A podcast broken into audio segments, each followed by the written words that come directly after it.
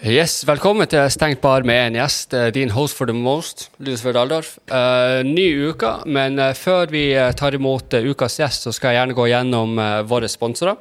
Uh, først og fremst så er det uh, Black Diamond Clothing. Uh, der får du bestilt vår T-skjorte, merch til Stengt bar, som de har produsert, med hjelp av logoen som han Jakob har laga til oss. det er en fantastisk fanta jævla kul Altså, det, det, det, er en jævla kul logo.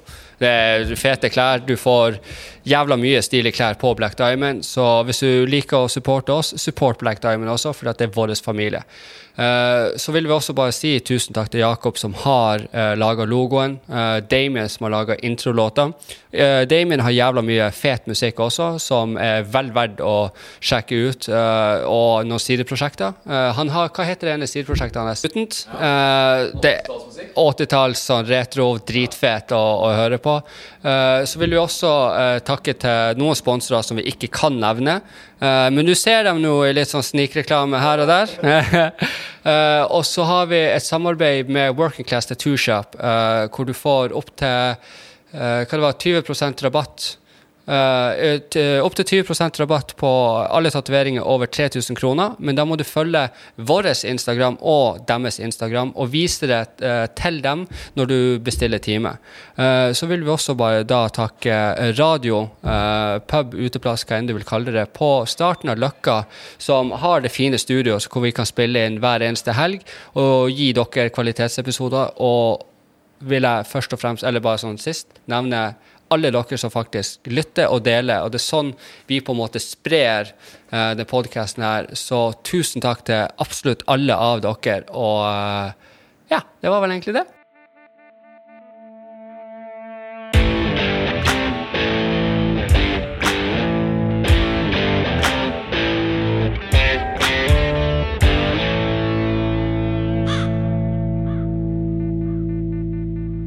Heller forberedt meg på hvem du er, noe annet enn det liksom, jeg har lest bare på overskrifter og sånt. At du mm. er eh, At du har litt eh, Du har litt rusbakgrunn og mm. greier. Ja. Definitivt. Og er veldig sånn um, Ja, jeg vet ikke hvor vi starta. Jeg har begynt recordinga, så okay, ja. hvis du vil, så kan du klappe en gang.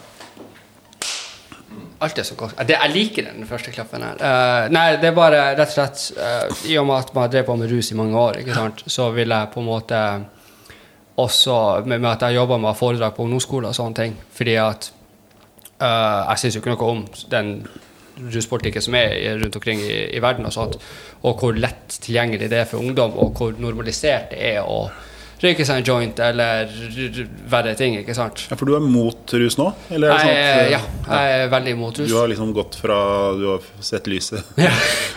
Ikke all slags rus? Nei, ja, jeg drikker jo.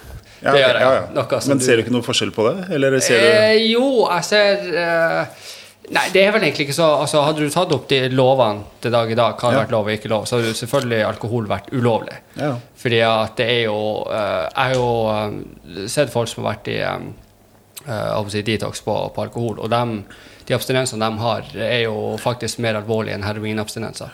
Men det at du drikker og ikke tar annen dop, er det, hva er logikken i det? Det er egentlig ikke noe logisk i det, annet enn det sosiale sammenhenger. Hvis du har sosial angst, så er det lettere å ta seg én pils eller to pils. Uh, men nå er jeg veldig klar over det at når jeg har genetisk anlagt avhengighet, ja. så må jeg være veldig forsiktig med hva jeg drikker, hvor ofte jeg drikker og sånne ting. Så jeg drikker kanskje én gang i måneden. Og da er det ikke sånn at jeg går ut på fylla. Da er det sånn at jeg sitter hjemme og gamer med kjerringa og tar meg tre pils, og så er det på en måte det. Sant? Selv om før så var det veldig mye mer. Og så fant jeg ut at hei, du, det her er jo samme mønster som når du ruser deg på ulovlige uh, substanser. Hvorfor, hvorfor, er det på en måte greit nå? Og så er det hele den um, Når du er i bartender, rockemiljøet, sånn her, så er det liksom så uh, imagebasert, liksom. At du skal sitte med en Jack-flaske, og du skal liksom spy på gata og alt sånt her. ikke sant? Og det er liksom sånn oh, fuck a party, ikke sant? Og det er jo ikke noe verre eller bedre det enn det er liksom det som Vi gjør verre, verre ting, da. Ikke sant? Så eh, ja, det er jo ikke noe logisk med det. Ja, Det er gøy. kan vi komme inn på etterpå. Ja, ikke Og da vil jeg også bare si velkommen til deg. Eh, det har jo vært det. Han godeste Alex han syns jo det at jeg og du er såpass like på sånne ting, så han ville at vi skulle Det hadde vært artig hvis dere kunne sette dere ned og, og prate litt. Eh, Så det er jo artig å ha det. Ja, jeg, jeg ser likheter. Du gjør det, ja.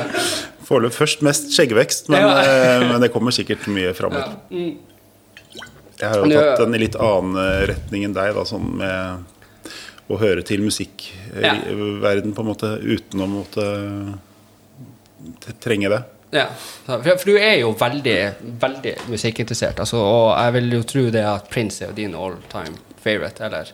Ja, han er i hvert fall den jeg har brukt mest tid på og mest penger på. Jeg har jo en ganske eh, gedigen platesamling, og, eller Prince-samling, og jeg har jo vært rundt Jeg har sett Prince 56 ganger. Og vært eh, fanklubbleder og gitt ut bok og liksom lagd en hyllestboks med 81 norske artister som har lagd spesiallagde låter. Så jeg har liksom det har vært en liksom hobby. Men jeg merker jo at eh, det er jo en periode det er liksom den perioden når du er de formative årene da, og hører mye på musikk, så er det en periode du alltid kommer tilbake til, men som du sitter i ettertid og tenker at eh, ok, ikke at det er noe gærent med Prince, men det er jo ting som har kommet i ettertid som jeg har fått like stor kick av. Men det er et eller annet med når du har begynt å samle, og når du på en måte har fått litt sånn identitet som Prince eh, orakel, liksom. Så, så blir Ja, men da blir det liksom sånn her Faen, jeg kan ikke stoppe nå, men jeg må innrømme at det er ganske lenge mellom godbitene sånn de siste Ja. i hvert fall de siste ti åra av livet hans. Men, eh, men du, du er også kjent for det her med eh, Du har bokforlag, du har ja, det her greia med uh, CD, uh, Robinson, modell, hvis jeg ikke tar helt feil. ja. Uh, og det er liksom så mye Du har hatt så mange baller i lufta før deg, liksom. Jo da, jeg har gjort mye forskjellig, men jeg har liksom følt at veldig mange av de tingene har vært innafor samme. Jeg har liksom tatt Det å gi ut bøker og det å gi ut plater er egentlig samme ting. Ja. Så det har liksom vært sånn det jeg har lært i bokbransjen, har jeg prøvd å over, eller platebransjen har jeg dytta over på bokbransjen, og så har det vist seg at det er vanskelig, fordi de er veldig satt. Der er det, Bokverdenen er jo veldig sånn De holder på sånn som de gjør nå, som de gjorde for eh, 50 år siden. Det er jo liksom akkurat samme system omtrent hele veien. Men du kan liksom ikke komme inn og begynne å kjekke deg. fordi at Ja. «Å, Du må gjerne sjekke deg, men du skal, du skal inn i kverna vår og systemet vårt for at du skal kunne selge bøker. Så det, der har jeg vært og er liksom på vei ut av, for det var ikke noe gøy. Det var rett og slett uh, masete. Og du føler at du sitter med verdens kuleste produkt, og så ender det opp med at det er én innkjøpssjef i en eller annen kjede som skal bestemme om du skal inn eller være Så, så blir det trynefaktor kanskje der. ja, det er det liksom Det handler om å kjenne folk, det handler om å være på de rette stedene, og ikke minst ha riktig avsender. Er du på Falk forlag, verdens minste lille lort i hele boksystemet, så tar de deg ikke på alvor. For jeg har, har jo en venn også som har uh, Skamløst nettverk. Ja. Uh, det er jo bordforlag for um, han er um, Christian René som har det. Ja. Uh, og jeg har jo sjøl skrevet tre bøker og tenkt liksom faen, skal jeg legge ut ei? Og så drev jeg på i fjor og skrev en bok som jeg på en måte aldri ble ferdig med. Jeg ble aldri ferdig med for at jeg havna i forhold, og jeg skrev om sexavhengighet. Og så tenkte jeg at ok, kanskje jeg ikke skal skrive denne boka her. Nei, så jeg- kan vente til neste mellom neste dame. ja, jeg jeg håper ikke det skjer, men ja. Så jeg har prøvd å være litt sånn med i det her med, med bøker og sånt. Jeg har alltid funnet det interessant, fordi at um, jeg, Før så var jeg aldri interessert i å egentlig lese noen bøker. Og så havna jeg på ei lita fengselsstraff som varte en god stund, og derifra så var det sånn Nei, det er ikke noe annet å gjøre. La meg bare lese alt av Charles Bukowski, Stephen King, alt som egentlig var på biblioteket der, og fant en egen kjærlighet til det, fordi at det blir liksom en verden inni verden for meg, da. Hvor lenge satt du inne? Eh, litt over to år. Oi. Det, da lærer du litt. Ja, du, eh, du gjør det. Du heldigvis. Heldigvis. Ja, ja, det kommer vel noe godt ut av det hvis du bruker det til noe smart. ja, jeg prøvde jo absolutt der. Eh, da, men, men da var det også så at den, den inspirasjonen du finner der for å skrive bøker der, er så, såpass artig, og så får jeg lov til å være i fred, og det er veldig viktig for meg. Eh, og det er jo det jeg tok ut av den podkasten jeg hørte ut av deg i går også, at du er jo sånn som meg, at du er jo litt avsosial av deg. Eh, men vi blir jo tvingt inn i å på en måte være sosial. Med den jobben du har, og den jobben jeg prøver å få ordentlig. Ja, litt sånn Det er det, det, er liksom, det, er det man forventer av oss, da, hvis man er i den bransjen. Men jeg har vært veldig sånn steil på at jeg har ikke hatt sånn ønske om å ha så mye venner i platebransjen. Nei. Fordi at eh, du står mye friere uten venner. Ja. Ja, men du gjør jo det. Hvis du skal liksom ha liksom, Dette er kompisgjengen, og hvis du reagerer Jeg er sånn som sier fra. Jeg hyler og skriker hver gang det er noe ting jeg reagerer på. Og nå er det jo ekstremt mye å ta i disse dager, hvor det er um, korona og kulturordninger og støtteordninger og folk som er så griske og jævlige. Og da er det deilig å liksom ikke å vite at det er ikke mine venner som jeg sitter og rakker ned på nå. Nei. Og det hadde det vært hvis jeg hadde gått på disse bransjefestene hvor alle de samme er, og så blir man liksom buddies, og så blir det vanskelig å si fra. Og det er det som er problemet. At, at uh, folk er veldig flinke til å utnytte hverandre sånn positivt. Ja. Men det gjør jo også at du får sånne bånd som gjør at det er jævlig vanskelig å si fra når en gjør noe dumt. Mm. Du ser på alt ifra folk i utelivsverden som har uh, tura fram og ja, alt ifra Jeg trenger ikke å nevne navn, men liksom, du ser jo folk som uh, har så mye ja-mennesker rundt seg at Mm. ingen sier fra at Vet du hva, nå er du en idiot. Og den, jeg er gjerne den som tar den rollen. Ja, jeg òg. Definitivt jeg også.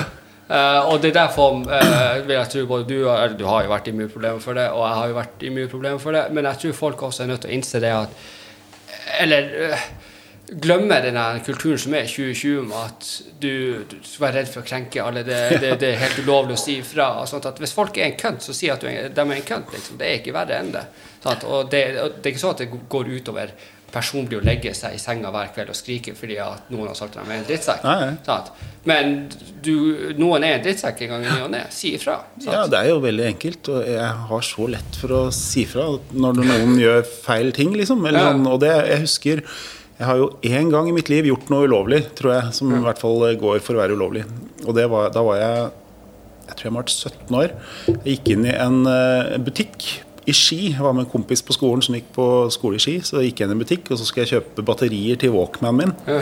Så gikk jeg inn i den butikken, og så la jeg en pakke med batterier i hånda. Hadde tenkt å kjøpe den. Og så tok jeg fram den rosa skinnlommeboka mi og la oppå for å liksom ta opp eh, 50-lappen eller hva jeg skulle betale. Og så tenkte jeg shit, nå ligger den oppå batteriet. Ingen ser det en batteri her nå. Så plutselig fikk jeg en sånn spontan tanke at nå skal jeg faen meg stjele det batteriet. Og som jeg tenkte det er så jævlig langt unna sånn jeg er, da. Og så gikk jeg inn og så bare Jeg skal ha en uh, Hubba Bubba eller noe sånt. Og så kjøpte la jeg en femmer og bare fikk penger tilbake. Og gikk jeg ut igjen, så hadde jeg sånn derre Sånn, sikkert sånn som man får av sånn uh, wow, adrenalinkick. For at jeg bare tenkte tenk om jeg blir ferska. Det var liksom det verste i verden. For jeg hadde tatt, sett på som et så stort nederlag. Så gikk jeg ut igjen, og så fortalte jeg kompisen min Fy faen, jeg har, jeg har tatt pakke batterier. Og var litt sånn flau og stolt og alt på, på, på en gang. Og han så på meg og sa Du kødder? Du stjeler vel ikke batterier? Og han er jo det mest moralske mennesket Ja, jeg kommer med et eksempel hvor moralsk han er. Han klarer ikke å se på porno, for han tenker at disse damene har foreldre som må være så skammer seg sånn over barna sine. Ah, ok.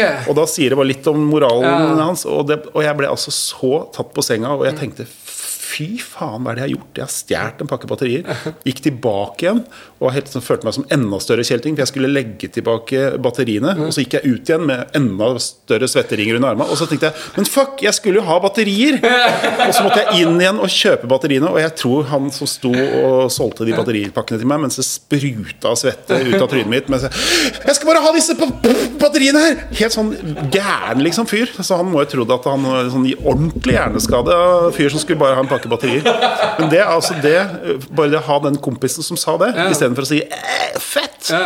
Og så hadde det plutselig vært ja, fett. Så hadde det blitt to pakker batterier, og så hadde det kanskje blitt en hel kartong med batterier. Ja.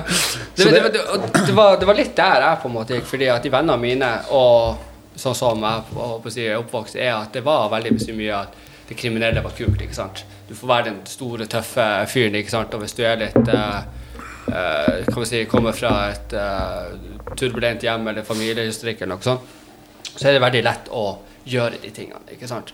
Og, og, og det der synes jeg Og det er derfor jeg på en måte også har jobba såpass mye med ungdom, for å prøve å finne annen tilhørighet til dem. og sånt. Uh, men jeg skulle spørre om Nå sier at det er det eneste ulovlige du på en måte har gjort ja, ja, jeg har sikkert gjort masse mer, men av, av sånne ting Ja. som jeg tenker at nå går jeg over en strek. Jeg er Ja. sikker på at jeg snausa en CD i butikken i gamle dager, og da har jeg jo egentlig gjort noe eh, liksom, i min egen butikk, da, for For å jeg slippe å på den betale skatt. Warlocks-greia. Å kjøpe masse plater til oh, ja. Warlocks for å få dem på femte, femteplass. Femteplass på VG-lista. Nei, det var ikke noe ulovlig. Det er jo det er ikke noe re... Eller sånn, du kan ikke bli bura inne for det, men det var vel en sånn egen sånn bransjejustis at man ikke skal eh, Eller greia med platebransjen er at i alle år så har jo de store plateselskapene kjøpt seg inn på VG-lista. Dette her er jo ja, ja, dette er gjort I absolutt alle år har det skjedd eh, hvor mm. folk har prøvd å manipulere lister for at det skal se bra ut. Husker det verste var jo da jeg hadde butikk på Aker Brygge. Mm. Så var det sånn at det var et utvalg butikker som rapporterte til VG-lista. Og uh, hver fredag så måtte de sende en faks eller noe sånt noe til som het IFPI. Og med noen, dette her er de 20 mest solgte platene. Og da var det jo sånn at uh, rett før jul og sånt, så ringte jo da EMI og Universal, kanskje som var de verste uh, Eller ja, Sony var Eller alle var, alle var med på det. Så var det sånn du, Kan ikke du sette Pink Floyd litt høyere? For vi vil gjerne være sånn nummer én uka før jul. For da selger vi så jævlig mye siste uka hvis den er øverst på VG-lista, for da kommer bare kunder inn og kjøper. Og da er sånn, Hvis dere rapporterer den som nummer én, så får dere 50 skiver gratis. Eller så får du en sykkel, eller så blir det en tur. og Det begynte å bli ganske sånne store, okay. store ting som kom. da. Og jeg visste jo om dette her, og jeg var både var jævlig motstander av det, men i tillegg så syns jeg det var så urettferdig at min butikk ikke rapporterte. For når det først var et system som var egentlig bare å Så en gang så sa jeg fra til en på EMI at hei, jeg er blitt med i den der gjengen som rapporterer til VG-lista nå. Det var kult. Og så tok jeg imot, og det er jo bribes så det holder. Ja. Eh, helt til jeg da en dag eh, måtte fortelle at jeg, jeg bare ljug, men takk for alle platene jeg har fått, på en måte. for da hadde jeg 1,50 av disse, eller 1,50 del av disse stemmene som da rapporterte, og jeg husker ikke hva det var. Men jeg fikk altså så mye skiver, og jeg syntes bare sånn Æsj, dette var en sånn ustilig ting å gjøre. Så jeg sa fra at dette her gidder jeg ikke være med på lenger, og mm. at jeg bare hadde ljugd. Men nå har jeg i hvert fall tatt meg det samme som alle de andre har fått, fordi de fikk jo fordeler i forhold til meg. Så jeg har egentlig aldri manipulert VG-lista sjøl, jeg bare lata som. Men det er liksom sånn har det vært i alle år. Og så var det jo sånn at eh, det verste var jo den perioden når vi gjorde dette her, det var i 2005, tror jeg det var, med Warlocks. Og da, da var det jo helt sånn at da hadde jo noen satt en konsert på Free Record Shop øverst på Egertorget i Oslo, og så hadde de en konsert. Og så gikk da den, sjefen til dette plateselskapet inn i butikken og sa her er 10 000 kroner, slå inn eh, Og da kosta singlene 10 kroner. Slå inn 1000 singler, for da var du garantert å være på førsteplass på VG-lista. Og så ga han 10 000 kroner, slo de inn 1000, og så ja, vi har hatt konsert der, og dødsbra, oh, herregud, vi har solgt 1000 singler. Det så jo liksom riktig ut på papiret, ja. men det var kanskje 15 singler som var solgt. For det var, ikke, det var, ikke, konserten som var viktig, det var bare det at de hadde en anledning til ja. å legge 10 000 kroner på bordet. Og det som var da, at da fikk man jo gjerne platene tilbake, og du kunne selge det en gang til. Så det kosta egentlig ingenting. Det var bare det å være så skamløs og gjøre det som var liksom Er, er, er det altså det ja, ja, dette her, Herregud, ja, den platebransjen er helt Det har liksom vært helt bisart opplegg. Okay. Da, hvor det i alle år bare hvem, Og så er det sånn alle visste at alle gjorde det, men det var bare om å gjøre det litt mer. For da fikk du Og de som da kom inn på VG-lista på ærlig vis, eh, i hvert fall rundt juletider, hvor det var aller verst, de var jo bare sånn lykkelige. Og det som var, var at IFPI, da, som var øverste organet i platebransjen, som sitter og skal kontrollere dette her, de er eid av disse store plateselskapene, så de hadde ikke noe problem med at uh, noen gjorde dette her. Ja. Uh, så da tenkte jeg nå skal jeg faen meg lage en ordentlig dokumentar for å vise hvor lett det er å, å kjøpe seg inn på VG-lista. Så vi ga jo masse hiphopere 500 kroner hver, mm. eller 300 kroner hver eller sånt noe, for å kjøpe seg inn. Og det er klart de 300 kronene ble kanskje 150 plater og 150 med godteri.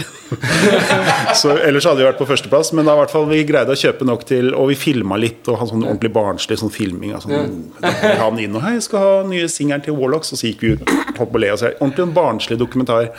Og så kom jo uka etterpå, hvor vi var på femteplass på VG-lista. Ja. Og så satt jeg og Frode, som jeg drev plateselskapene, og så skravla litt om hvordan dette her hadde gått til. Og sånt, og så ga vi den dokumentaren til Lydverket, som var da NRKs eh, store musikksatsing, litt sånn seriøs musikk som NRK for så vidt ikke har vært uh, seriøse på på de siste ti åra. Ferdig med det. Det var en digresjon. Men, men, da fikk de den, sendte dokumentaren, og så ble det jo sponhelvete. Fordi VG var jo livredde for varemerket sitt. VG-lista, tenk om den får seg en støyt liksom, på utsiden. Så de var jo veldig hypp på at uh, dette her skulle demonteres, og mm. ingen har noen gang juksa i det hele tatt. Og så hadde du IFBI på andre sida, som er litt sånn Shit, vi er jo vårt eget kontrollorgan, vi må i hvert fall framstå som seriøse, så de måtte da gi meg sanksjoner sanksjoner, så jeg fikk en bot på 20 000 kroner, og de nekta jo for dette her. Og så er det jo ingen i plate, Apropos dette med ja-mennesker. Ingen i platebransjen turte å stå fram med å si at ja, ok, vi har juksa. Fordi at enten så jobba de i plateselskap fortsatt, og da kunne de ikke si det. Eller så hadde de slutta, og da var det sånn Skal jeg komme inn fra sidelinjen? Nå er jeg murer, liksom. Skal jeg gidde her og la, blande meg inn og si at sånn var det? Så jeg sto der ganske sånn aleine i en sånn krig som alle i blad jeg til og med ringte folk og sa jeg skulle gjerne sagt noe, altså, men du skjønner. For, for da har jeg jo liksom disse vennene mine i majorselskapene og sånt noe. Så satt jeg bare og tenkte fy faen, for en feig gjeng. Ja, det Ja, er helt sjukt. Så da endte det med at jeg måtte jo da stå, Og så ble jeg kasta ut av Fono, som var da indie-selskapenes organisasjon, fordi at sjefen i IFPI hadde trua han i Fono.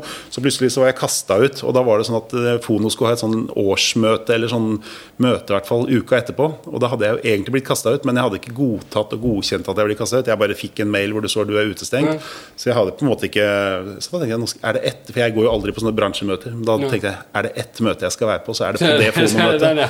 Så da dro jeg på det Fono-møtet, og folk ble sånn Shit, der er Christer, han er jo kasta ut. Vi kan jo ikke ha han her, men vi kan jo samtidig Og jeg gikk rundt da, og jeg, da strutta jeg av selvtillit, liksom. Syntes det var kjempegøy. Og hadde et innlegg litt sånn spontant. Er det noen, Vi har sånn diverse kontoer er det noen som har noe skal si?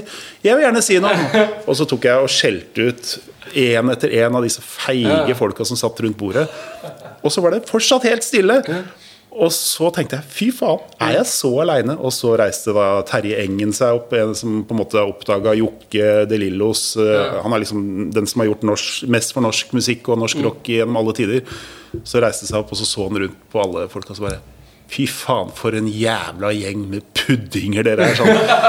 og så tok han og skjelte ut alle sjefene og toppsjefene og alt. og så- Og da endte det opp med at eh, vi ble venner igjen, og egentlig alle satt jo Men det er liksom det er for meg en sånn derre Det å stå litt sånn aleine oppi det, var litt sånn deilig. Fordi at Å slippe å vite at uh, jeg har ikke ratta ut noen Nei. folk som jeg på en måte var gode venner med. Og sånt, og det er disse det båndene her som er livsfarlige. Altså, for det ødelegger så mye på, Jo, men, på men jeg synes også altså, du virker veldig sånn uh, Sånn som meg, at jeg har liksom ikke sånn vanlige regler jeg lever etter. Har sånn normer. ikke sant? Mine egne indre regler. Som, og du virker veldig sterk på dine når det liksom kommer til, eh, eh, til dem. Og det syns jeg er veldig da, eh, positivt. Altså, altså, altså det skal være rett, liksom. Nå er jeg veldig imot sånn Altså, jeg kan gjerne si hva hvis jeg gjør noe ulovlig, så, så, så sier jeg at hei, jeg har gjort noe ulovlig.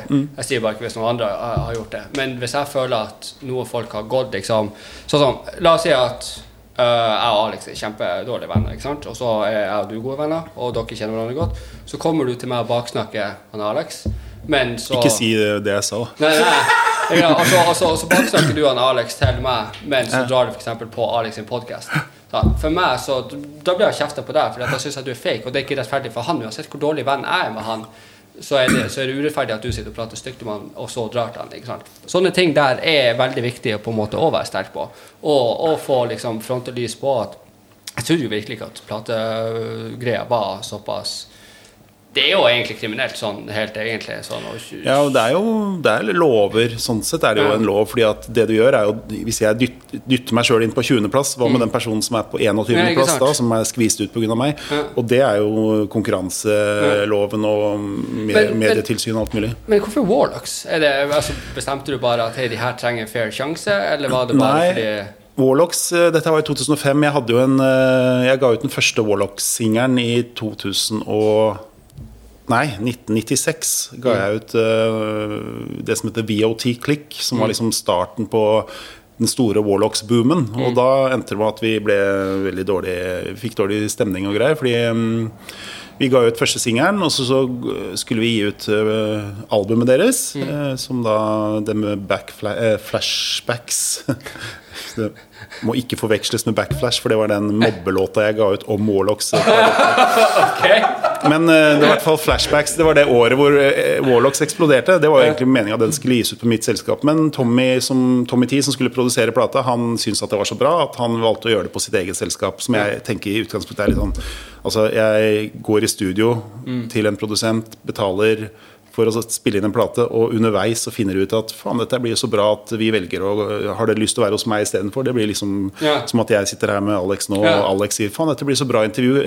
jeg gir det ut sjøl, jeg. Ja. Det er han som sitter på datamaskinen. For meg som er liksom i grenseland eh, og helt ustilig, og da hadde jeg også en butikk med Tommy som jeg drev sammen med han, som het TND Records, en hiphop-sjappe på Grønland. Og så det var liksom for meg litt sånn tette skodd som jeg tenkte at dette her var litt ustilig. Så jeg eh, sa det at du må gjerne gi det ut. Det blir ikke noe god stemning av det, men du kan gi det ut, men da må du i hvert fall gi meg de penga som jeg har brukt på hele produksjonen. Og da tok jeg og skrev opp en liste med alt, og da tok jeg med liksom alt, til og med den pizzaen vi kjøpte på singelslippet hvor kompisen deres kom og sånn. Og jeg tenkte Rett skal være rett. Liksom. Jeg skal ikke ha, liksom, ha, å jobbe gratis er en ting, men å ha utgifter på toppen syns jeg var litt uh, mye. Og da ble det jo jævla dårlig stemning, og vi endte jo opp med at eh, hele B-gjengen eh, jo, skulle ta meg og knekke meg og skjære meg opp med teppeskjærekniver og alt mulig sånt noe. Og så endte det opp med til slutt at eh, jeg ble pissa på på en eh, konsert på John D av eh, Faktisk pissa på? Urine. Nei, det var ganske sjukt. Det var så mange som skulle ta meg en stund. Det var, det var vel sikkert 20-30 stykker som var ute etter å, å denge meg. Som, uansett når jeg kom hjem fra jobben, så så jeg det sto folk utafor, så måtte jeg gå inn en annen vei. Og, så ja, det gikk bra i dag òg. Uh, og til slutt så tenkte jeg nei, nå får jeg bare la det stå til. Og så får jeg gå på den konserten eh, på John D med da et band som var liksom på Tommy T sin side. da og så får jeg få juling, og så får vi det ut av verden. For jeg syns det bare ble sånn slitsomt og jeg måtte lure hele tiden. Og da er det sånn jo lenger vi, Ja, så får, du får mer angst. Altså. ja, og så jazzer det seg opp, og så blir det sånn Faen, åssen er ikke unna igjen, liksom. Og jeg var jo ikke dum nok til at når de sto utafor huset mitt, så sto jeg liksom og pekte nese i Jeg, var, jeg skjønte jo ikke hvor ille øh, mange av disse sitter inne nå.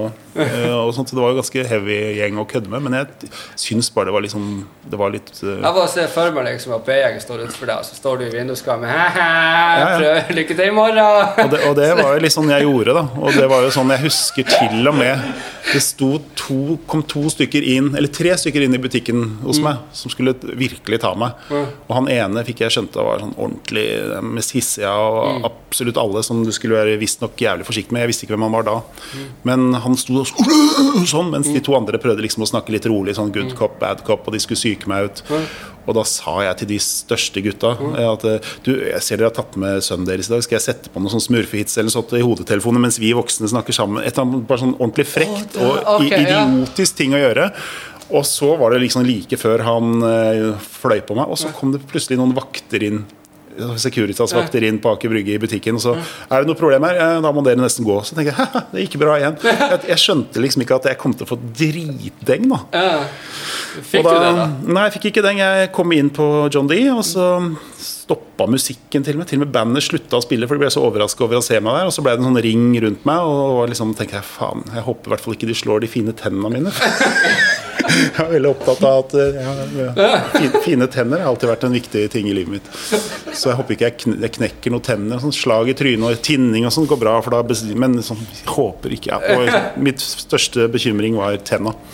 Men da snudde jeg meg, eller jeg, kjente jeg plutselig at jeg ble jævlig varm på ryggen. Så trodde jeg det var noen som tok og tente på meg med lighter, eller noe sånt. Og så snudde jeg meg, så sto det en fyr og pissa.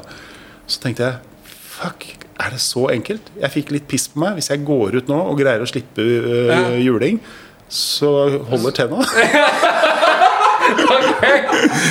og så gikk jeg ut, og de lo jo alt øh, verdens største dork. Og så tenker jeg fy faen, jeg tror, for dette her er garantert seier. De vant jo ikke bare 1-0, men 25-0 med å, bli, å pisse på liksom motstanderen.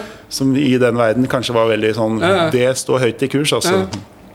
Høyere enn å skjære et snitt i, med Bare- teppeskjær. Og så gikk jeg ut og så tenkte jeg, fuck, de kommer ikke. Jeg slapp juling. Jeg var dritfornøyd med det. Gikk hjem, vaska buksa, og så var det liksom over. eh. Så det, for meg var det liksom bare sånn Det var litt ubehagelig. eh, I hvert fall når det var kaldt ute, for det var jo varmt eh, og godt når jeg sto inne på John D. Glovarmt eh, urin på låret, men så frøys det til. Altså. Men det var liksom ufarlig, da. Det var liksom Da gikk det over. eh, han, han skrev jo noe likende, eh, sånn, likt som der um, Han har vært på konsert, så måtte han gå hjem. Jeg tror det var oppe i Nord-Norge, eller hvor faen det var. Uh, og så var det så jævla kaldt. Så han bare pissa på seg, for det var det, det, det varma. Og så gikk han liksom ti meter, og så ble det kaldt, og så måtte han bare pisse på seg sjøl på nytt igjen. Og sånn gikk han liksom på tur bort mot hotellet, og så bare pissa på seg kontinuerlig for å holde varmen. Fy faen. Ja, han er litt mer eh, ekstrem. Jeg, det verste jeg har gjort, sånt, er at jeg kjøpte pommes frites og putta i sokkene mine etter en, eh, etter en konsert med Simple Minds i Drammenshallen i 1985. Men det ble også jævlig fort kaldt. Og så hadde jeg ikke råd til å kjøpe nye pommes frites hele tiden, så jeg gikk jo rundt bare med sokker fulle av pommes frites og skvulpa i pommes frites. Iskalde pommes frites midt på vinteren. Og det var fordi at det liksom var kaldt. Ja. Jeg holdt på å fryse. De hadde stjålet Poco Loco skinnjakka mi, som jeg hadde lagt foran i grava foran konserten. Og så etter konserten var ferdig, liksom 16 år gammel, litt naiv fra. Drøbak og Hæ? Den helt nye Poco Loco skinnjakka mi til 2000 kroner er borte! Og da sto du i Drammen i T-skjorte i eh, minusgrader ute. Og da er det bare å hive pommes det frites. pommes frites var det eneste. Jeg hadde 15 kroner, var det eneste jeg hadde til å Bortsett fra bussturen hjem. Det er ikke meninga å flire. Jeg bare tenker på pommes frites det er så hjelper, liksom. Bare døtte det ned Ja, i jeg det var dritdeilig med en gang. Jeg bare, å, det var godt. Nå skulle du ned til Drammen stasjon, og så Det høres ut som noe uh, folk kan gjøre i fylla. Liksom, altså, for å være helt ærlig, så er det sånn god Det er derfor han ikke drikker. Han trenger ikke. Ja, det er den nærmeste fyllehistorie jeg tror jeg har vært. Det er ja, For at du drikker ikke litt engang. Har jeg aldri gjort. Aldri smakt, har ikke hatt. Jeg tror jeg har hatt det nærmeste jeg har drukket, det er at jeg har eh, hatt en sånn konfekt med rom rosin. Ja. Men det spytta jeg ut, så det er ikke drikke, jeg har ikke fått det i meg. Jeg har okay. spytta. Hvorfor, hvorfor har du bare bestemt deg for at alkohol skal aldri ha i, på en måte, i nyra mi og levra? Hvor faen det er? Det er vel egentlig at jeg så ganske tidlig. Jeg har ikke noe, det er ikke noe familie. Ikke noe sånn, Mora mi drakk jo vin til maten, og faren min tok en øl en gang iblant. Men det var liksom, de hadde veldig sånn avslappa forhold til dette. Jeg tror kan, kanskje at mitt første sånn minne om alkohol var eh, en sånn liksom-onkel vi hadde. En god venn av faren min som, eh, som var lettere alkoholisert. Eller han var vel ganske tungt eh, alkoholisert. Og da husker jeg at vi var på Nesodden. eh, på en sånn barnehjemshytte. For han Tony, som han het, han er død nå, veldig fin fyr. Men han eh, han eh, er vokst opp på et barnehjem, og det barnehjemmet hadde kjøpt en sånn feriekolonihytte som alle disse barnehjemsbarna kunne få lov å bruke resten av livet sitt. snilt. Ja, kjempefint. Det var jo faktisk nydelig. Og der er de fortsatt. Faren min, og faren min var bestevenn med de. Han bodde ikke på barnehjem, men han var veldig kompis med disse barnehjemsgutta. Så han har liksom fått bli med inn i dette, Kollektivet. dette celebre selskapet. Så der er de hver sommer og bruker mange uker, og de har liksom på rundgang, og så er de der sammen. Og jævlig fine folk. Men eh, Tony sleit jo ganske mye, og han husker jeg var jævlig full en gang. Og så skulle han danse, hvor han holdt søstera mi, som da var kanskje sju, seks, fem, jeg vet ikke, år, eh, i hånda, og skulle danse rundt et bål, og så ble han snurra den rundt, og så snubla han, så datt Søstera mi holdt på å ramle i bålet, men hun ble livredd og grein, og jeg trodde hun var svidd og sånt. Men jeg husker bare da Det var liksom mitt første minne at alkohol kan da ikke være så jævlig bra. Hvis det er sånne ting som kommer ut av det. Og så tror jeg at eh, Jeg var jo nerd eh, på mm, begynnelsen av 80-tallet, hvor eh, folk begynte å drikke alkohol. Så var jeg og spilte badmintonturneringer. Ja. Jeg var på landslag jeg, jeg sier alltid det, jeg var jo ikke det.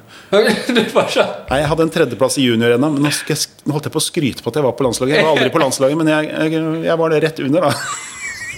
Jeg bruker å si sånn nå ble jeg kvalm av meg Nei, selv. jeg, jeg bruker Det er så mye, Men eneste grunn til at jeg tok meg i det, her nå, er at jeg filma. Ellers hadde jeg skrytt og sagt det. jeg hadde vært på landslaget. Fy faen. Uff, jeg er så dårlig person, personlighet. Men ok. Jeg var i hvert fall og spilte i eh, mye turneringer.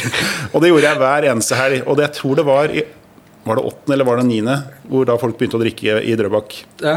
Tror ikke det var Jo, åttende var det Da husker jeg at det var to som hadde tatt og smugla med seg miniatyrflasker med sprit på en Ja. skoletur. Og jeg syns det var helt psyko å gjøre det på en skoletur når det ikke er lov. Ja. Det var ille nok. Og så kom 9. klasse, hvor da folk begynte å gå på hjemmefester. Jeg husker det var etter sommerferien. Så var jeg på badmintonturnering første uka. Etter, På landslaget? Ja, godt, så, så godt som. er første turneringa, og så var andre uka turnering, tredje uke turnering, fjerde uke. Og da hadde liksom de vært på skolefester nesten hver eneste helg hjemme hos en eller annen som uh, hadde litt foreldre som var ute på hytta. Det var klassisk sånn før nå, før folk sender en melding på Insta, og så er det 800 stykker i huset ditt. Ja, ja. Men det var liksom bare klassisk. Uh, Og så skulle jeg gå på min første skolefest den ene frihelga uten uh, landslagssamling. og da kom jeg inn, og da står det altså en i klassen min skal ikke si navnet hans, men han står og uh, siterer Monty Python. En sånn uh, papegøyesketsj til Monty Ja. Python som er jævlig gøy med Monty Python. Ja. Men uh, det var ikke noe gøy med han. Nei. har, han har aldri heller vært morsom uh, Før eller etter. Men jeg la merke til at jeg kom inn, og folk lo. Så de grein at Ja. han sto og knota fram en litt dårlig Parrot-historie av Monty Python. Og så fikk jeg den rett og slett, for jeg kom også litt seinere enn de andre. Det var liksom Festen var i gang, og jeg kom inn og fikk liksom hvordan kan, Full analyse. Mm. Skanna rommet. Hvordan kan det ha seg at han som ikke er morsom, forteller en ikke morsom vits, og de folka ler så de griner? Og så var det sånn ommer å le så høyt at det! For at jeg skal bli hørt. Ja. Og så tenkte jeg fy faen, alkohol må være jævla teit. Og det var rett og slett første og eneste gangen jeg tenkte, vurderte at hadde det vært liksom så alle sittet med et glass vin rundt bordet og, og hadde det koselig liksom, og skravla, så hadde jeg antageligvis drikket. Og så hadde jeg antageligvis gjort det neste gang. Og så hadde jeg sikkert vært som de fleste andre. Men den gangen så tenkte jeg det her gidder ikke jeg være en del av. Så jeg husker at jeg var der en stund, og så syntes jeg folk var så teite, og så dro jeg hjem. Ja. Og det er jo egentlig min siste fest jeg egentlig var Så på. du kunne ikke ha tenkt deg å jobbe som bartender? Nei, men jeg er veldig fortrolig med dette. Og hvis jeg skulle gjort noe sånn, hatt noe alkohol å gjøre, så tror jeg det må være bartender. Fordi at jeg har jo stått eh, med litt sånn sosial angst som jeg har. Så har jeg hatt en disk i platesjappa mi, og da har det vært massevis av folk på den siden. Og så har jeg liksom, aleine. Dette er mitt frirom på baksiden. Og da har jeg liksom alltid vært fra Jeg var jo litt sånn der mongo-magnet. At det Mm. var veldig mye rare folk som kom inn og sikla ned disken og 'Kan jeg få høre på den?' Det var litt sånn sosiale eh, hjelp også. Men jeg merka at bare det å ha den, lufta og den disken gjorde alt for meg. Så jeg merker at når jeg blir invitert til bryllup og sånt noe med venner, så veit jo folk at «Åh, det er kanskje ikke noe vits i å invitere ham, for han har jo ikke noe lyst. Det veit han jo, og det sier jeg jo i intervjuer. Han Ja. sier det nå også. Jeg har ikke noe lyst til å være i noens bryllup. Nei. Jeg hater har på å si jeg har ikke lyst til å være i noens podkast. Liksom. ja, nei, Podkast er greit, men det er, vi har luft. Ja, ja. Nei, Du er heller ikke sånn plagsom eh, ennå. Det kommer. Nei, det kommer da. Men det er et eller annet med at eh, da kan jeg gjerne være DJ, og sånn kan jeg si. Ja, Å, kan du det? For da har jeg liksom en grunn til å være der. Og så kan jeg ikke være- minst få lov å spille musikken, for det å være i et bryllup hvor de spiller ræva musikk, hadde også bydd meg imot. Man blir jo så sær, vet du. Og, og, og, men det er liksom bare det å kunne gjøre de tinga. Jeg kan gjerne komme og, og ha leker for folk. Mm. Konkurranser og sånt. Jeg elsker å være med skoleklasser. Sønnen min og dattera mi de må jo synes det er litt slitsomt, for jeg er med på alle skoleturene. For da har vi sånn tikamp, deler opp i lag og quiz og Mm. alt mulig sånt som alle selvfølgelig de andre voksne syns er topp. Og alle barna syns er topp. Og selv mine barn har syntes er topp fram til nå. Ja, Nå er de okay. 14 og 12. Nå er det sånn Må du være på hver jævla skoletur? Ja, nå har jeg skjønt at 12, eller 13 er vel egentlig grensa. Nå skal jeg være med på skoleturen til dattera mi på 12 nå, men ja. neste år så sa hun da er sånn Ja. Det er hyggelig nå, pappa, men kanskje Ja. når jeg begynner på ungdomsskolen. Men ser du, eh, ser du ned på folk som drikker og sånt, eller er det bare sånn at Ja, jeg gjør nok dessverre det. Eh, ikke, jeg ser ikke ned på deg nå, men jeg hadde nok sett ned på deg når jeg hadde sett deg full. Ja. Så det er ikke det at eh, Men det er jo bare når du er drita. Da, Ja. da klarer jeg ikke å ta for, for meg er det liksom Når jeg endelig skal gjøre noe sosialt, så har jeg lyst til å snakke med folk. Og så har jeg lyst til at det skal være noe Jo, men, substans. jo, men altså, jeg, er jo, jeg er jo veldig sånn uh, gammeldags ta med når det kommer til drikking. Fordi at heldigvis, altså, jeg har en far, jeg har sett han full to ganger. Og den første gangen jeg så han full, så fordi han, han, han er veldig strikt på drikking. Uh, han er jo ambulansearbeider, så når han kom og jobba liksom, i to uker, kommer han hjem. Eh, Så tar han seg et glass med konjakk, og det er liksom det han gjør. Eh, men den første gangen jeg så han full, så hadde han sendt meg til bestemor. Så jeg snekker meg fra bestemor på natta for å gå på og se. Så han vet ikke at jeg så han da. Oh, ja. Eh, og andre gangen, da var jeg 23, liksom. Så, så da er det jo helt greit på en måte å se, eh, se han full, da. Eh, så, det, så sånn sett har jeg vokst opp i en sånn jeg, Han lærte meg alltid å drikke med måte. Og med min sosialangst og sånt, å, å ta seg to-tre øl er liksom da jeg klarer å by på meg sjøl og være ute og ha faktisk substanse, og så går det bare rett til helvete etter tre øl. Men jeg føler den grensa er på tre øl.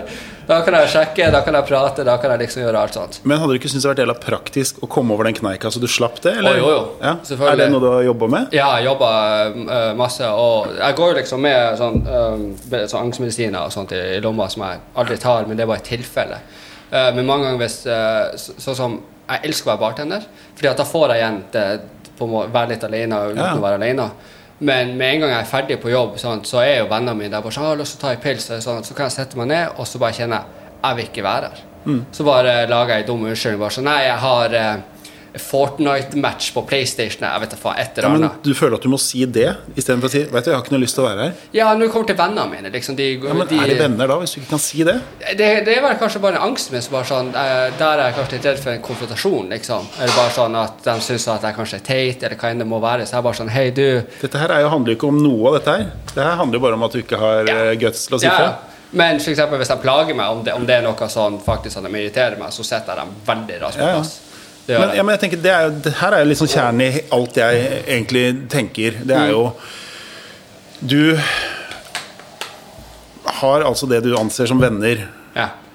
Hvis jeg skulle hatt venner, så tenker jeg ja, ja, ja, ja, jeg har ikke så mye venner. Jeg er virkelig sånn at jeg sitter og tenker at kompisen? sønnen min skal konfirmere seg, og så tenker jeg hvem er det vi skal invitere? Og så tenker jeg er egentlig bare faren min jeg har lyst til å invitere. Ja. Og så tenker jeg Og vennene mine det er sånn, Hvem skal liksom komme? Og så er det sikkert noen du kunne ha spurt. Men så tenker jeg det- Jeg er jo liksom Jeg, jeg kvia meg for å gifte meg i 2001, for jeg syntes det var så ubehagelig at mine venner som er så langt unna hverandre Det er Du altså, du er en knupp. Ja.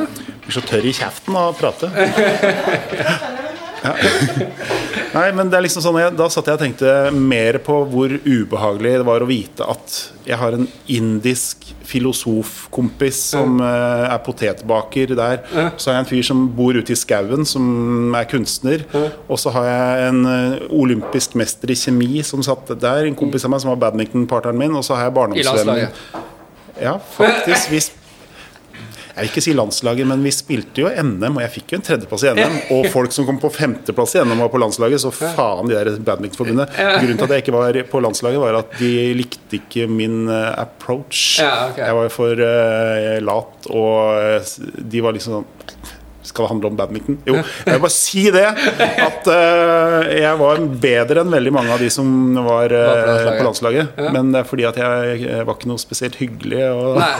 Og at det var det sosiale kanskje Ja. som spilte inn. Ja, det har alltid hatt problemer med. med eh, hvert fall for jeg får jo litt kjeft av uh, kjerringa og, og, og venner. Sånn at det, det, noen ganger så kvier de seg litt til å ta meg ut fordi at jeg kan være litt brå uten å mene det. Det er bare det at jeg er veldig sånn at hvis jeg og du ikke hadde likt hverandre, sant? og så hadde vi hatt en relasjon før, og så møtes vi kanskje på byen, da. eh, ikke sant? Og så prøver du å ha sjanse for det. ja, ja. Og, så, og, så prøver, og så kommer du og skal ha en vanlig 'hei, takk for sist'. Og det er sånn at da bare sånn 'Her er øla mi, sett deg der borte. Jeg gidder ikke å ha den'. Ok, du er så Ja, ja. Jeg er ganske direkte på sånn at For jeg gidder ikke å kaste bort din tid, og jeg vil ikke kaste bort ti- tida mi, og jeg gidder ikke å bruke energi på noe som jeg vet at det er en dum samtale jeg kan heller sitte og ha med Men du tror ikke du kunne reparert det heller? At det her kunne vært en sånn forsonende greie? Du tenker at når du først har fått deg noen uvenner, så Nei da.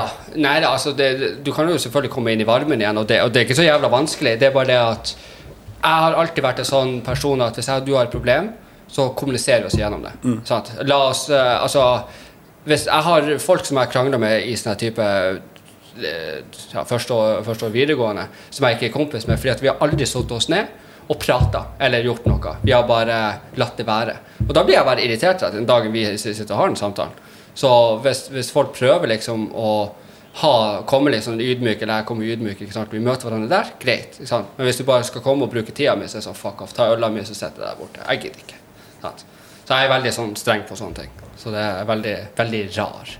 Altså, Ja, men det er bra. Jeg liker jo at man er litt uh, harde på ting. Jeg er også sånn uh, jeg, jeg har vel en sånn moralsk uh, indeks og Mm. kodeks som sier at uh, hvis du først har gått over en eller annen grense et eller annet sted, Mm. så tenker jeg at kanskje den personen lærer at jeg aldri Ja, vil ha med den å gjøre igjen. Ja, ja. For, jeg, jeg trenger jo ikke så jævlig mye mennesker i livet mitt. Det er ikke sånn at jeg tenker at uh, Jeg ser på noen av vennene mine som har litt sånne der, vennegjenger, og vi er 20 som møtes der, og så drar vi sammen dit. Så tenker jeg, faen, rekker du liksom Et eksempel da, hvor jeg merka hvor eh, liksom, Når jeg var med på Robinson-ekspedisjonen som deltaker i 99, Ja.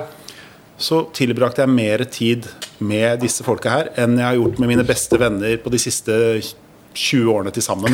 Fordi jeg var sammen med dem i 24 timer hver dag i, i 60 dager. Vi sov sammen, skravla sammen. Og vi merka hvor utrolig det var når du begynner liksom Hei, ja, ja, og så skal man liksom vise seg fram litt, og så Og alt det nonverbale, og liksom så ser du fort hvem som er uh, vennene dine. Men etter hvert så begynner jo repertoaret å gå litt tomt når du har- er sammen med noen hele tiden og Ja, ja, skal skravle hele tiden.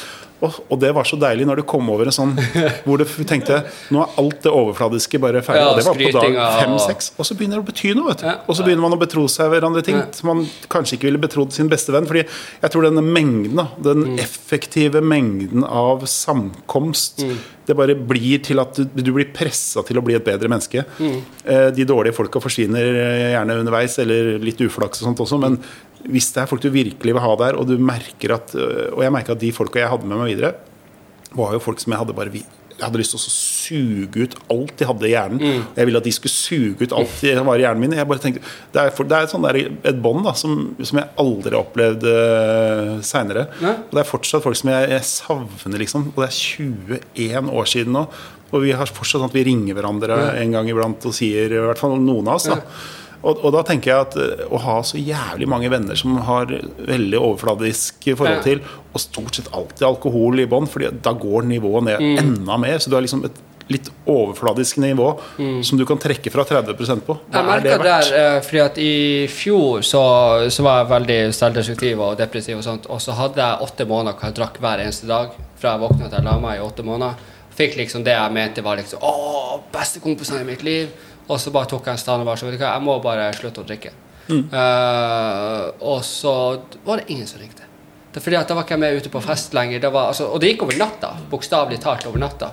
Hvor jeg sa liksom Hei, nei, jeg gidder ikke å være ute i dag. Jeg skal ta meg en pause, liksom. Ingen som ringte. Det ble bare stille. Men du tok bort den ene tingen som vi hadde til felles, var alkohol. Eller vi hadde jo masse annet til felles, men det kom bare ut mens vi drakk. ikke sant? Eh, og da fikk jeg litt sånn eh, Litt sånn som jeg også da brukte ulovlige substanser, at det var liksom det vi hadde til felles. Sant? Og når vi fjerna det, så var det ikke noe ordentlig sånn kompisgreier ut av det. De er enda kjempegode venner i dag i dag, fordi at alle dem drikker, liksom. Jeg har bare trukket meg ut av byen, bokstavelig talt. Men da ville jeg snudd på og tenkt hvor jævlig viktig er disse folka i livet Nemlig, ditt? Eh, trenger, er det liksom, Hvis det er et kriterium som limet som hører, dere sammen, liksom dop eller alkohol, så tenker Ja. jeg det, sant, det fins jo så mye spennende folk Ja, ja. der ute. I alle Det er bare at vi ønsker ikke å møte dem, for vi vil være alene. Ja, ja, ja, er så, ja, ja, jeg er jo litt sånn. Men jeg har jo tross alt Jeg møter jo mennesker som jeg syns jeg Mm. Det jeg har skjønt, er at hvis jeg skal gjøre noe med noen, så tenker jeg vi må lage noe Mm. sammen. Og den, liksom Å sette seg ned og prate på kafé, det er hyggelig. Det, det gjør man gjerne hvis en har et problem, eller, Mm. Eller hvis du bare føler at å faen, nå har det gått et halvt år siden. Vi- Hvis vi skal kunne kalle oss venner, så må vi bare møtes. Og så tenker jeg, men så jævlig mye gøyere at vi La oss lage en liten minifestival i hagen din, og så gjør vi noe gøy. Mm. Eller vi gir ut en bok sammen. En av mine beste venner har jeg skrevet bok med. Mm. Vi er jo bare sånn der, Jeg elsker å være sammen, men så tenker jeg vi kan ikke bare sitte og være sammen. Bare for å være sammen. Og så bare sånn, Vi skal ikke bare gi ut en bok, da! Ja. Da måtte vi sitte sammen et halvt år og sitte og skrive sammen hver dag et halvt år. Faen, jeg har elska det. Vi får være sammen med en av mine beste venner, så vi kan sitte og, og gjøre noe for det vi også interesserer oss mest Ja. for. da Og det er jo en sånn eh, greie at hvis liksom et uh, hvis man skal være redd for å miste noen fordi man ikke mm, tilhører en, eh, eller i en gjeng, eller liksom gjør det som andre gjør, da tenker jeg da har jeg vært helt mer redd for å beholde dem enn å miste dem. tenker jeg Ja. Det er jo egentlig sånn litt deilig Litt sånn som meg og Lucifer. Vi, vi produserer noe sammen, så vi har et Båndet vårt Ja. er jo veldig mye podkast. Ja. Og da veit vi at hver gang vi møtes, nesten, så, så skjer det noe produktivt. Liksom. Jeg tenker på det du snakka om i stad, så var det der med at uh, uh, det, Hvis du har for mange venner, så er det mye mer du må pleie, og mye vanskeligere å få gjennomført eh, Ja. og pleia de vennskapene. Ja, ja. Ja. Så det, For jeg, jeg- for jeg husker når jeg, da jeg var liten og ble mobba, sånn, så, sa liksom, så skrek jeg til han pappa bare sånn, 'Jeg har ikke noen venner.' Eller 'Jeg har liksom to-tre venner.' Så ja, men du trenger ikke ti forskjellige venner. Du trenger bare de tre gode. Ja, ja. Og jeg forsto aldri det før jeg kom opp i voksen alder. Liksom. Det var egentlig i fjor når jeg liksom på en måte fant uh, samboeren min og sånt, at at jeg trakk meg litt unna alt. At jeg bare sånn Fy faen, altså, Fra før så var jeg avhengig av å være ute, være blant folk. for jeg klarte meg, eh, Det var ting i hodet mitt hele tida, og ville gjøre alt. ikke sant, Og være sosial og sånn.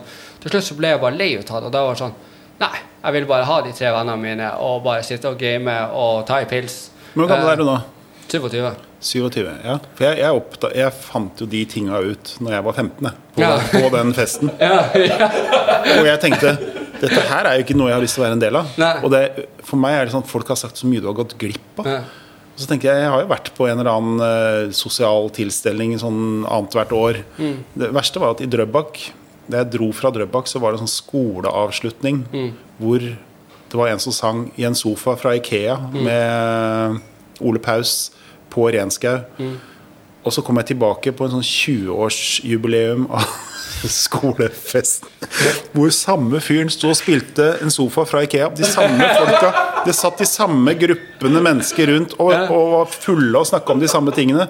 Så tenkte jeg jeg skal jo aldri på en skolereunion noen gang igjen. Hva skal jeg minnes skal, liksom, Tenk deg, jeg, har jo, jeg greier å fylle opp dagene mine med Ja. innhold. Det er ikke det at jeg tenker Det er helt tom for innhold nå, jeg må bare gjøre et eller annet. Da skal jeg gå på en skolereunion.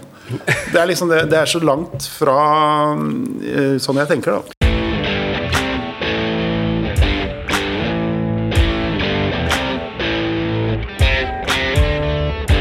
Del to av episoden med Christer Falk blir tilgjengelig på YouTube og Spotify den 2. november klokka 6.